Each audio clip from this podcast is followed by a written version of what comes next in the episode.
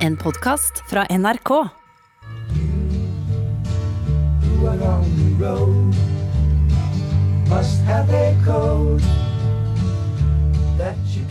Dette er eh, låta 'Déjà Vu' med Crosby, Stilson Nash. Og Mange fikk jo med seg i går at artisten Bob Dylan har solgt rettighetene til sin sangkatalog. Og nå har altså David Crosby fra dette bandet kastet seg på bølgen. Reporter Ida, eh, Aida Korami, hvorfor det? Sangrettigheter til artister har jo vært veldig i vinden, og flere artister har faktisk forsøkt å kjøpe dem tilbake.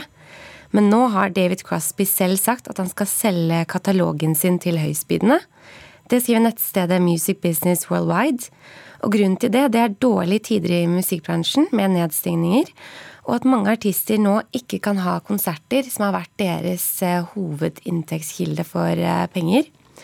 Han sier selv at han har en familie og et lån å ta seg av, og å selge er faktisk hans eneste mulighet til å gjøre det. Så han er ikke særlig fornøyd med pengene han får ut av eh, strømmetjenestene, med andre ord? Nei, han har lenge vært skeptisk til hvordan artister får betalt av f.eks.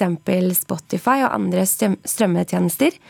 Deres mest spilte sang på Spotify, Our House, har over 75 millioner avspillinger. Vi kan høre den her.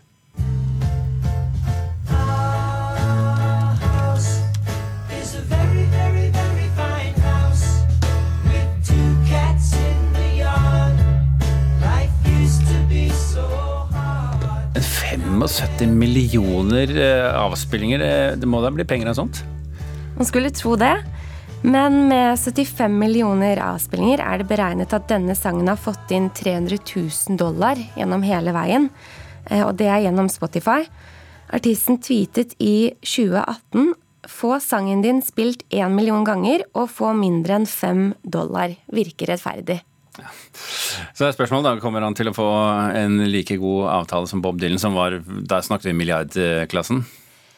Nei, trolig ikke. Prisen på katalogen til Dylan er ikke helt kjent, men det antas å være rundt 300 millioner dollar. Crosby skrev selv i en tweet at sannsynligheten for at han får den samme avtalen, var not a chance, eller ikke en sjanse i havet. Nei, nemlig. Vel, vel. 300 millioner Jeg lar seg høre, det òg, men kanskje ikke den, eh, blant den gjengen der. Uansett, Aida Korami, takk for eh, opplysningen. Er eh, mange som i disse dager skulle ønske at de kunne få være med bak scenen under underholdningsprogrammet Maskorama. Men bare en håndfull mennesker vet hvem som skjuler seg bak maskene, og alt er strengt hemmelig. Vi har derimot fått være med bak scenen og møtt eh, en av de få som vet alt, nemlig Kjell Nordstrøm. Han har nemlig spesialdesignet maskene som deltakerne skjuler seg bak. Så her er backstage der alle våre karakterer bor. Så alle har sin egen backstage. Kostymdesigneren Kjell Nordstrøm tar oss med bak Maskorama-scenen. Han er en av de få som vet svaret på en av Norges største hemmeligheter om dagen. Nemlig hvem som skjuler seg bak maskene. Og her inne har da Fugleskremse bodd.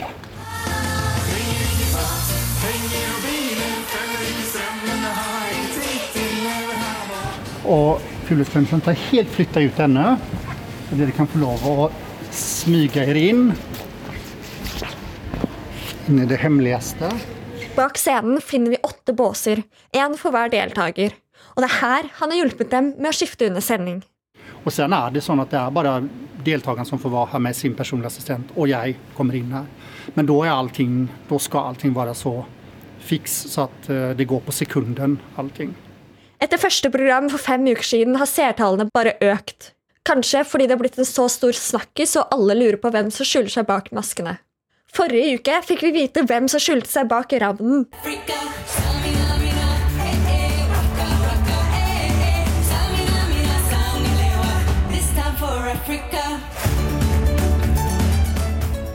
Nemlig tidligere sportsanker i NRK, Anne Rimmen, som forteller at det var en spesiell produksjon å være en del av. Produksjonen i seg selv er nok helt unik, fordi det hemmelighetsholdet er eh, helt sånn altoppslukende.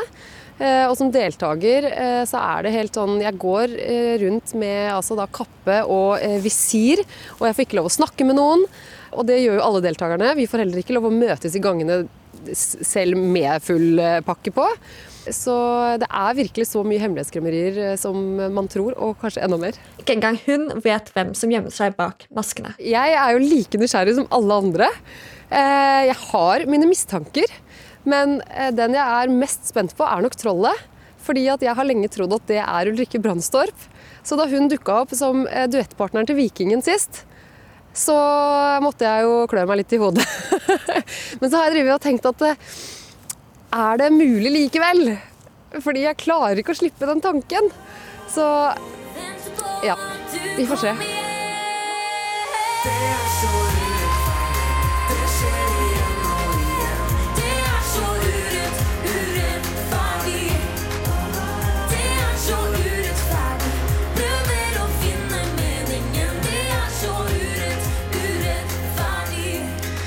Reporter her det var Hedder Ørbekk Eliassen, og finalen i Maskorama det er på lørdag. Denne uken så spilles et nytt eh, storspill rundt omkring, Cyberpunk eh, 2077. Og det har tatt fire år å skape en fremtidsverden der hvor teknologi og mennesker er helt eh, sammensmeltet. Og det er mange som eh, får assosiasjoner til filmene Blade Runner og The Matrix blant annet. Eh, Spillkritiker her i NRK, Rune Fjell eh, Olsen, eh, god morgen. God morgen. Cyberpunk eh, 2077, hva er det dette spillet vil fortelle oss? Vi er jo i cyberpunk-sjangeren, og dette er en sjanger som vokste fram da, som en slags motsvar til uh, den uh, fantastiske fremtidsoptimismen fra science fiction på 50- og 60-tallet, hvor alle skulle fly rundt i flyvende biler og alt skulle bli så bra.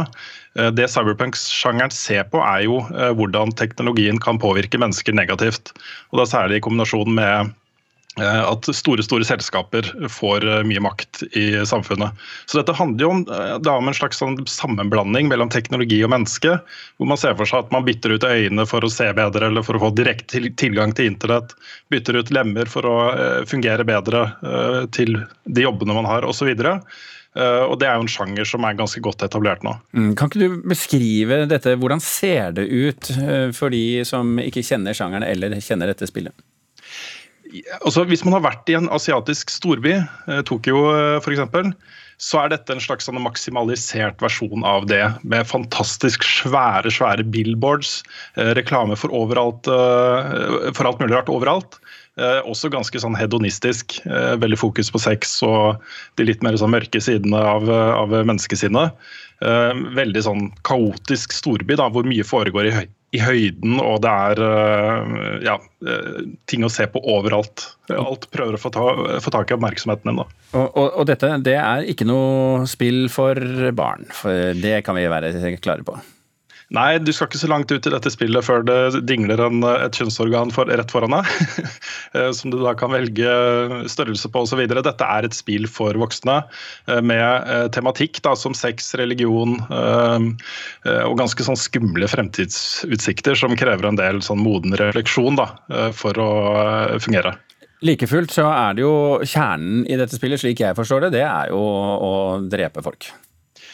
Ja, du kan faktisk spille gjennom så å si hele spillet uten å drepe noen. Eh, Men, men det er et voldelig spill, det er, et, det er en voldelig konstruksjon, er det ikke det? Jo da, hvis du får eh, utdelt en eh, katana, altså et sånn japansk kampsverd, eh, så sier det seg kanskje litt selv at her kan det gå ganske blodig for seg.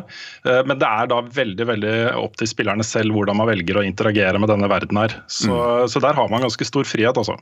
Hva vil du si Fordi at du gir jo dette spillet terningkast seks for de som har lyst til å gå inn og se den lange begrunnelsen, kan gå inn på våre nettsider nrk.no. Men den korte begrunnelsen, hva, hva gjør at denne får eh, terningkast seks? Det er en helt eh, spesiell følelse å gå rundt i Night City, denne storbyen her. Eh, Den eh, følelsen av tilstedeværelse er mye mye sterkere enn i de aller fleste spill. Det er også sånn at selskapet her har tatt utgangspunkt i spill som Grand Theft Auto 5, Fallout-serien, og tenkt hvordan kan vi gjøre dette bedre. Så de har en ekstremt sterk historie som man kan følge fra start til slutt, og også veldig gode sidespor som er valgfrie. Og det er kanskje sånn spesielt i deler av historien og i noen av disse sidesporene hvor eh, spillet virkelig virkelig gjør inntrykk. Som også advarer om at det er en del bugs ved starten eh, som eh, folk kommer til å oppleve. Eh, Det vil komme en stor patch da, til lansering som jeg håper luker bort det meste. Men det kan være lurt å følge litt med på, på hva disse patchene gjør eh, med opplevelsen. Med andre ord, Rune Fjell Olsen, et fantastisk spill for voksne, ikke noe for barn. Takk for at Nei. du var, var med oss.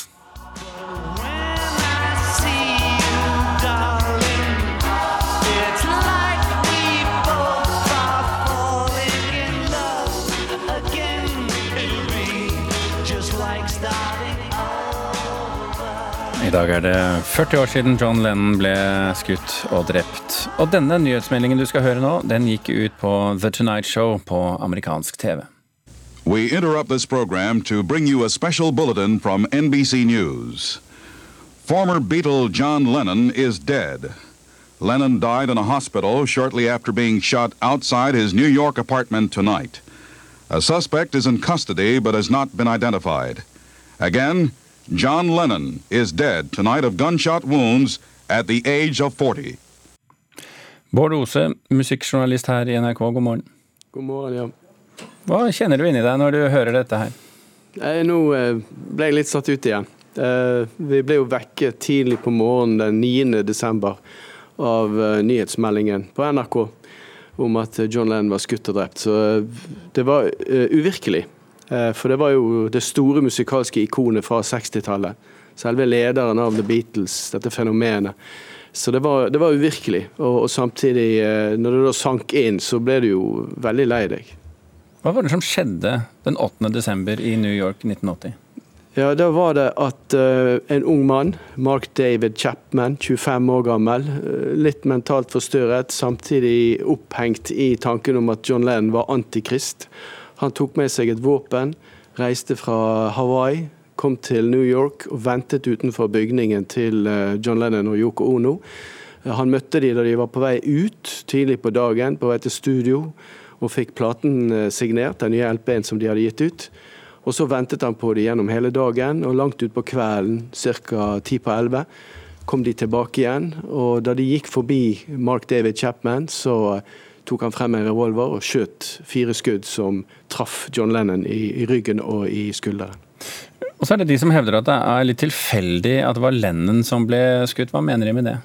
Jo, han hadde en liste, denne Mark David Chapman, over kjente personer, og han ville ta livet av en av de. Eh, altså Det var jo ironisk, han skulle ikke bli kjent, men han måtte bli kvitt en av disse eh, kjendisene som han mente var antikrist. Og På den listen så sto også presidenten, Ronald Reagan, og David Bowie, som på den tiden eh, hadde forestillingen 'Elefantmannen' på Broadway. Men han fant ut, Mark David Chapman, at den som var lettest å få tak i, det var John Lennon. For det var bare å vente utenfor huset. Og så ville jo Lennon en eller annen gang dukke opp, og det stemte jo. Eh, Lennon hadde jo nettopp eh, gitt ut Double Fantasy, dette albumet her sammen med Yoko Ono. Eh, Hvor var han egentlig i karrieren da han ble drept? Han gjorde comeback. Vi hadde ventet i fem år, eh, for eh, han hadde bestemt seg at eh, da hans sønn Sean ble født i oktober 1975, så ville han være hjemmepappa. eh, Og ikke turnerende, slik som han hadde vært da Julian kom til verden i 1963. Så John Lennon hadde vært borte fra bransjen i fem år, og så gjør han da comeback sammen med Yoko. Nytt plateselskap i ryggen, David Geffen, millioner, satsing.